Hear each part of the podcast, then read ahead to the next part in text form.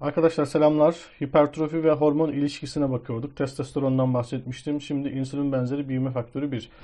Testosteron kas geliştirme söz konusu olduğunda daha çok bilinir olsa da insülin benzeri büyüme faktörü yani IGF-1 egzersize bağlı hipertrofide e, potansiyel olarak önemli bir oyuncu olarak karşımıza çıkar. Adından da anlaşılacağı gibi IGF-1 insüline benzer bir moleküler yapıya sahiptir.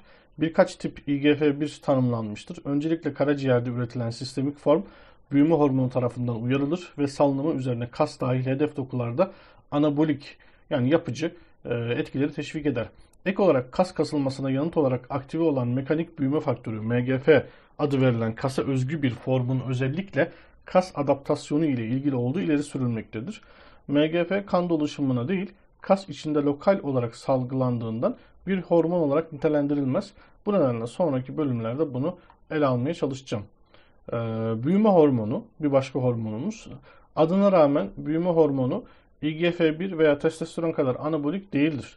Yakıt için e, yağ kullanımını arttırmanın yanı sıra amino asitlerin çeşitli vücut proteinlerine alımını ve dahil edilmesini teşvik etmede önemli rol oynar.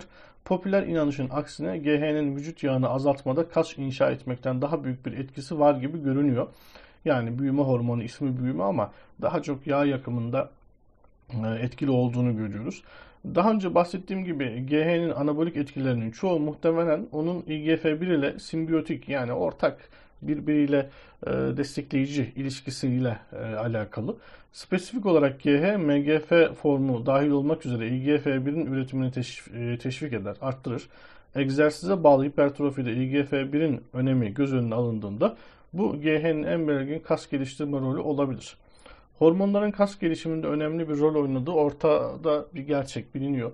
Profesyonel bir vücut geliştiricinin fiziğini doğal olarak rekabet eden bir birisiyle karşılaştıran ve anabolik hormonların kas boyutu üzerindeki etkisinin miktarı açıkça ortaya koyuyor. Bir kişinin steroid döngüsüne girdikten birkaç hafta sonra 10-14 kilo alması e, alışılmadık bir durum değil.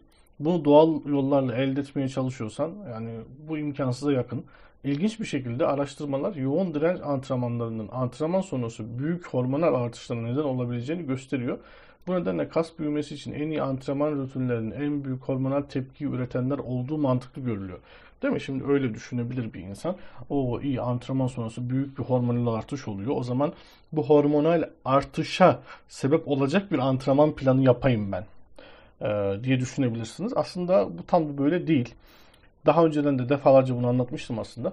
Profesyonel vücut geliştiricilerin yürüyen bir eczane olduğunu bilmeniz lazım. Hormon seviyeleri 7-24 yüksek.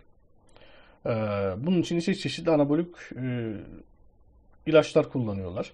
Öte yandan egzersizin hormon seviyeleri üzerindeki etkileri geçici ve antrenmandan sonra 1 veya 2 saatten daha fazla sürmez. Kronik yani sürekli yüksek hormon seviyeleriyle hormonal yani kısa süreli bir artış arasında dağlar kadar fark var. Yani bunun ikisini karşılaştırmamız imkansız. Egzersiz sonrası hormonal yükselmelerin kas büyümesinin birincil itici güçleri olduğunu öne süren sözde hormon hipo, e, hipotezi hakkında kapsamlı araştırmalar yapılmış. Genel olarak bulgular ikna edici değil. Çoğu çalışma bu akut yani kısa süreli hormon dalgalanmalarının önemli bir hipertrofik etkisini desteklemede başarısız olmuş. Bununla birlikte egzersiz sonrası hormon tepkisinin belki de kas hücresindeki anabolik etkilerini kolaylaştırmak için testosteronu bağlayan androjen reseptörlerinin duyarlılığını arttırarak anabolik süreçlerde küçük bir rol oynaması olası. Ne olursa olsun araştırmalar hormonal yükselmeleri en üst düzeye çıkarmaya çalışarak antrenmanları planlamanın e, mantıklı olmadığını söylüyor. Ne yazık ki direnç antrenmanlarının kronik hormon seviyelerini önemli ölçüde etkilediğine dair de çok az kanıt var. Bu nedenle program planı yaparken buna bakmak mantıklı olmayacaktır. Zaten daha önce de belirtmiştim. Yani akut bir artış bizim e, doğal hormonlardaki artış ve bu çok bizim işimize yaramıyor. Yani o yüzden aman hadi benim testosteronumu, büyüme hormonumu ya da ne bileyim ben işte e, antrenmana bağlı olarak bu artışı arttırmak için ekstra şeyler kullanayım. E, satılıyor yani böyle doğal hormon arttırıcı testosteron. Bunların hiçbir mantığı yok. Eğer bir eksikliğiniz yoksa. Myokin faktörü antrenmana bağlı hormonal yükselmelerin büyümeyi önemli ölçüde et, e, tetiklemediğini biliyoruz. Anlattım şimdi. E peki nedir bu büyümenin kaynağı? Buna karşılık teoriler e, bize farklı doğal kas faktörlerinin büyümenin önemli düzenleyicileri olduğunu gösteriyor, söylüyor. Myokin adı verilen bu maddeler mekanik gerilim, kas hasarı ve metabolik stres gibi çeşitli uyaranlara yanıt olarak kaslar tarafından salgılanıyor.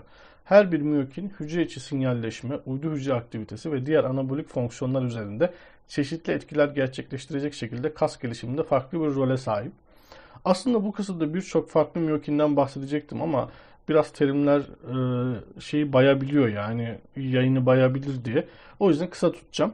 Bilmemiz gereken farklı yollarla büyümeyi, yapıcı ortamı oluşturmayı sağlamaları. Ancak şaşırtıcı bir şekilde bazı miyokinlerin kas dokusu üzerinde katabolik etkileri de var. Hepinizin duyduğu mesela örneğin miyostatin adı verilen ve çoğumuzun e, dediğim gibi duyduğu bir miyokin kas gelişimini negatif etkiler. Yani kas içinde salınımı halinde anabolizmayı ve uydu hücre fonksiyonunu bozar, büyüme kapasitesini köreltir. İnternette görmüşsünüzdür. Belçika mavisi adı verilen bir sığır türü var.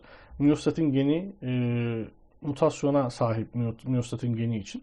Dolayısıyla miyokin üretme yeteneğini devre dışı bırakıyor. Yani büyümeyi baskılayan bir miyokin yok. Ağırlık antrenmanları sadece anabolik yapıcı miyokinlerin salınımını arttırmakla kalmaz. Aynı zamanda vücudun anabolik ortamını optimize etmek için miyostatin üretimini ve diğer katabolik yıkıcı miyokinlerini de bastırır. O yüzden ağırlık antrenmanı çok önemli.